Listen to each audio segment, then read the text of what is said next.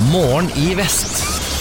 Det kan fort bli veldig varmt i godværet, og vi, vi vet jo f.eks. at det å, å, å la barn eller hunder bli sittende i, i en bil mens du går og handler, det kan fort uh, bli en smule skummelt, for det blir veldig veldig varmt. Og det samme gjelder hvis du f.eks.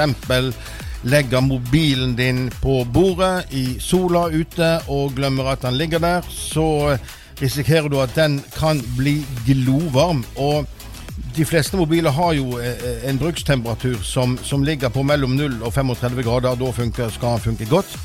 Men eh, eh, problemet er at det blir veldig mye varmere enn det.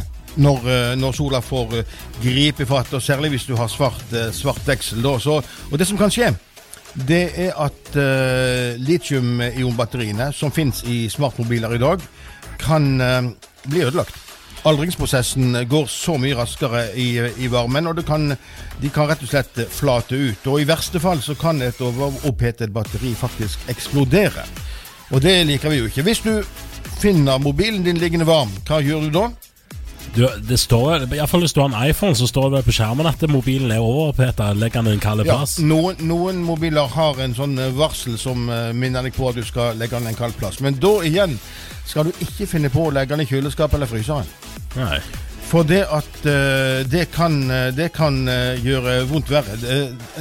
nedkjølingen skal gå så gradvis som mulig, sier ekspertene. Men kanskje er det ulike meninger her. Ja, nei, det, det, er vel litt sånn eh, som oss uh, sjøl, at hvis, hvis, du er ute i varmen og blir overoppheta, går inn og hiver deg i et kjølerom, så blir du syk. Ja, og går du inn i kjøleskapet, så kommer du ikke ut igjen. Ja, ja da blir du sittende. Det er jo sikkert det som har skjedd med meg. Jeg er helt tett i bihulene. Det er en kombinasjon mellom pollen og fint vær, sikkert. Det er iallfall ikke covid-19. Jeg bare sier det. Veldig bra og barskt at du er på jobb i dag. Ja, ja, må det. En ting som det har gått litt sport i nå den senere tid, det er å ta ned statuer. Statuer. statuer. Nå skal vi rett og slett til Grønland. For der står det en statue av dansk-norske Hans Egede. Og var, han var en prest som uh, dro til Grønland fra Bergen i 1721. Og hans store mål det var å konvertere inuittene til kristendommen. Og nå står han altså, ikke han da, men statuen av han, på toppen av et fjell i Nuuk. Og eh, egentlig så symboliserer han da kolonial vold, mener et parlamentsmedlem på Grønland, som nå ønsker at denne skal rives ned. Og allerede så har det begynt å bli litt sånn, eh, litt sånn herverk. For det at nå, eh, for noen få dager siden, så ble statuen av Hans egne påkastet rød maling. Så ja, det sprer seg dette med statue, statueriving. Og Norgesferien den starter for mange i disse dager, og da er det en del småting som er viktig å overholde, Svein. Fra baksetet hører du 'Pappa, jeg må tisse'. du, har, du har så vidt kommet ut av eh, innkjørselen hjemme. Er vi der igjen? Er vi der yet? ja, sånn. Er vi ikke snart framme nå?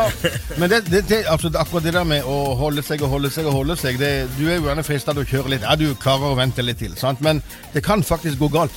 Uh, vi skal en tur til Kina, vi. Der, der er det en mann som heter uh, eh, Mr. Hu. Uh, han er 40 år, og han uh, hadde vært ute med kompiser og festet relativt kraftig. Drukket masse øl. Det var før korona, gjerne. Ja, det, ja, ja, det, det var det nok. Men, men han Så sovna han, da. Og uten, uten, at han gjorde noe som helst med vilje, da, så, så, så sov han sykt lenge i 18 timer. Og uten å tisse. Og det gikk galt. For det at uh, det slutt sprakk urinbæret hans. Den, uh, han fikk veldig, veldig, veldig vondt. Og uh, den, den, sprakk på tre plasser, og ikke nok med det. Men, men deler av deler av innvollene hans fant veien inn i blæren. Nei, ja, Svein. Så det, det er det, det, er mange som får ja, det, vondt og bilder her. Midt i frokosten, og så ja. får du plutselig en, en, en, en, sånn blindtarm i, i, i frokostblandingen. Nei, altså det, som skjedde, var at han ble lagt inn på sykehus, og naturligvis. Og heldigvis så klarte de å redde livet hans. Men det var sånn, sånn uh, akutt, uh, akutt inngrep. De måtte bare skjære han opp og, ordne opp i saken. Det hjelper nå, ikke dette nå, Svein. Jo, men nå, nå okay. jo, men det ender godt. Han, han, eh, ble, han, ble, helt frisk igjen, og det sies ingenting om hvorvidt han fortsetter å drikke så mange øl, eller velger å holde seg så lenge før Men, han eh, går på do. Ja, men dagens tips det var altså at eh, hvis noen sier på en ferie 'jeg må på do', stopp, så gjør det. Korona har jo gjort at eh, mange har eh, ja, blitt permittert. eh, mange bedrifter har måttet kaste inn håndkle. Og det er mange bedrifter som virkelig kjenner på pandemien. Ja, eh, om det skyldes eh, korona eller ikke, skal være usagt. Men i hvert fall så blir trafikkbildet framover litt enklere å forholde seg til. For nå skal det bli slutt på produksjon av Segway. Den tohjulingen, vet du, som eh, Ja, var sånn, ja. særlig Det- populær blant turister og, og politifolk i en del land. For nå skal de, de sier at nå vil de avslutte produksjonen fordi at uh, den utgjør så liten del av det selskapet totalt uh, produserer. Og jeg husker jo i, i 2018 var det vel Nei, i 2014 må det ha vært diskusjonen om hvorvidt Segway skulle tillates i Norge. Ja, sånn, ja. Det tok vel ikke helt Det er vel lov nå? Det, tok, det ikke Ja, helt av? Det ble lov i 2015, og det er lov fremdeles. For det, at, eh, det, altså, det å slippe, slippe fri sånne små elektriske kjøretøy, Segway, elsparkesykler, ståhjulinger og sånn, det, blitt, det var jo sånn politisk trend en stund at det, det skulle være gøy. Nå begynner vi jo etter hvert å merke at ikke minst eh, elsparkesykler kan føre til en del ulykker og, og sånn. Så det spørs hvor lenge, hvor ja, lenge er det, det er jo en fordel òg med elsparkesykkel. Du kommer deg jo lett fra A til B. Så det er jo fordeler og ulemper. Fordeler og ulemper, ja. Men så, jeg ser for meg sånn folke, folkehelseprofeter som sier folk har godt av å gå. Eller sykle. Bruke kroppen sin. Ja, ja. Det er nok mange mange, ja, Mye både for og mot. Vi skal ikke ta stilling til det. Men uansett, da skal du få ha deg en Segway, så vær kjapp. Finland vil fra midten av juli eh, åpne for borgere fra ni nye land.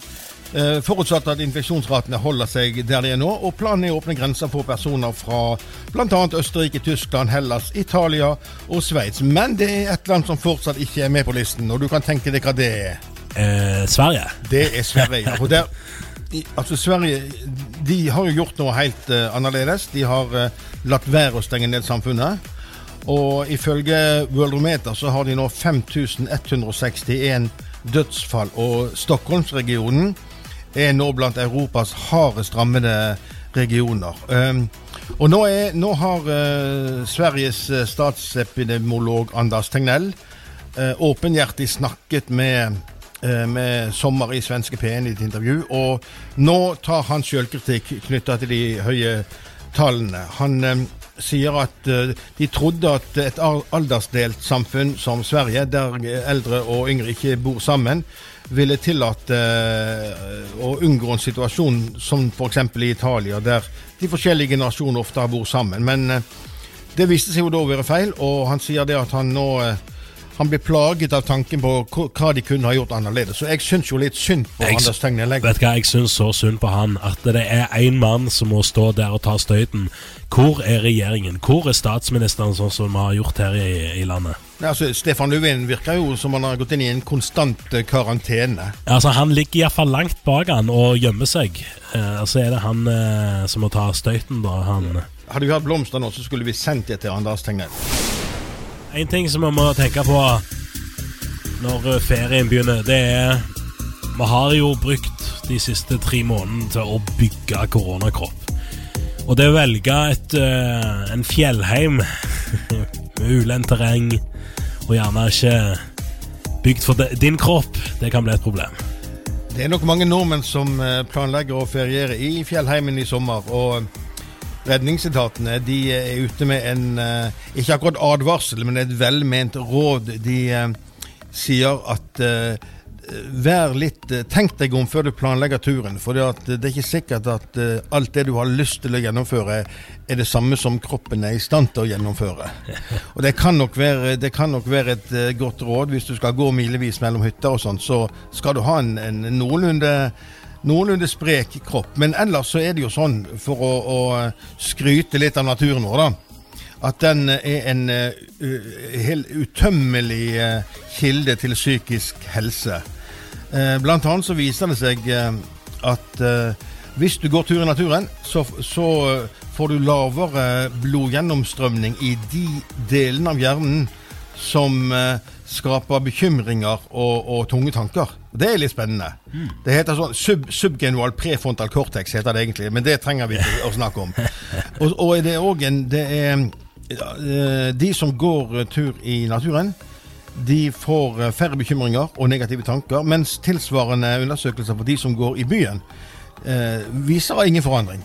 Så det å gå, tur, eh, gå i byen er mindre sunt mentalt enn å gå i naturen. Og en, Interessant er det òg at en amerikansk studie eh, som ble foretatt for ikke så lenge siden, den viste at barn som hadde daglig utsikt til naturen, f.eks. bare tre utenfor leiligheten istedenfor bare betong, de uh, utførte en rekke psykologiske tester bedre enn de som ikke kunne se på noe som, som var naturskapt. Og det er òg noe vi skal, skal tenke over. Nå skal vi snakke om noe så oppløftende som eh, døden. Og livet etter døden. Fins det? Det er litt interessant, for folk har jo øh, i tusenvis av år lurt på hva skjer når du dør. Skjer det noe i det hele tatt, og i så fall hva? Ja, fil, eh, På film så ser det ut som at du går inn i en sånn en tunnel og så ser masse minner fra livet ditt, og så ja, går du ut i intet. nå, nå, nå, var det noen som ville finne ut av dette, så de, de uh, brukte Reddit, og så ba de folk som har vært klinisk døde i, eh, i, sekunder eller minutter, om å fortelle sin historie om hvordan de opplevde eh, det å være klinisk død. Ah. For det er jo eneste måten å, å, finne ut noe, da. Hvis du skal snakke med hvordan det er å være død, så må du jo snakke med noen som har vært døde. Det er litt sånn logisk. Ja. De, har ikke, de, har ikke, vært veldig døde, for de kommer jo tilbake. Men uansett, det, det ene klare, eneste klare svaret er at ingen svar som er like. Uh, vi kan nevne noen eksempler her. Det var en som mente at han, eh, han var verken eh, kald eller varm eller trøtt eller sulten. Han bare hadde sånn fantastisk fredfull uh, tilstand. Og så tenkte han over livet sitt, og det var som å bla i en bok, forteller, uh, forteller han. Og så er det ei annen her som sier at det var som, Hun hadde følelsen av å bli sugd bakover veldig langsomt. Dratt gjennom vann med mørke som kom og gikk. Og på et tidspunkt så var det så kikket hun ut på en hage som ikke hadde blomster, bare støv og behagelig grønt gress. En tredje og den er morsom.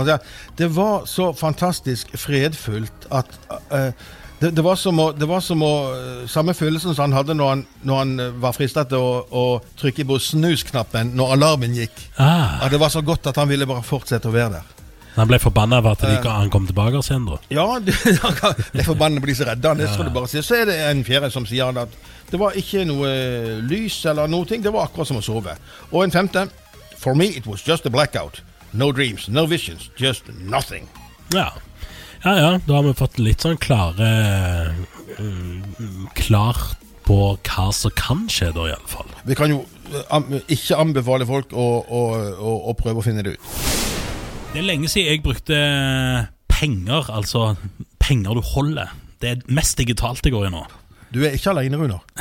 For um, jeg, jeg, jeg, jeg, leste nettopp en, en, en artikkel som hun Berit Svendsen, som er leder i Vips International, uh, skrev i Aftenposten. Og hun, hun, var veldig klar på det at Hun kom med interessante tall òg, for det, er, det går uh, fille veien med kontanter, for å si det veldig folkelig. da.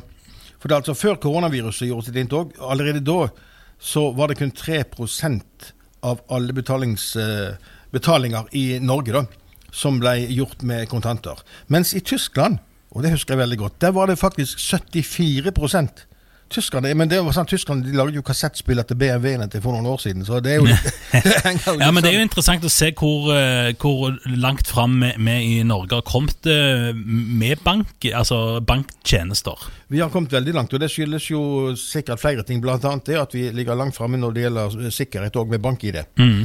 Uh, og, og det er jo ingen tvil om at dette er noe som bare vil fortsette. altså. Ifølge The Papers så er det venta at den globale veksten i eh, betalinger med mobile lommebøker, som det kalles, vil vokse med hele 50% i år. Og til og med i Tyskland nå så, så regner, de med at uh, eh, 69% sier at de vil, er mer tilbøyelig til å betale med kort. Så har du Irland òg. Det er et sånt uh, land som har ligget litt tilbake.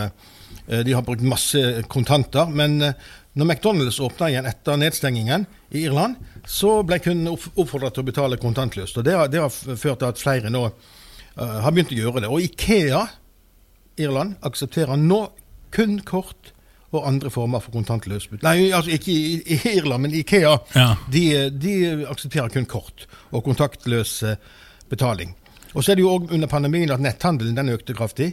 Og det har jo ytterligere forsterke dette. at uh, Å å betale med kontanter på netthandel, det er Ja, komplisert. da, det, det, Du da er du god.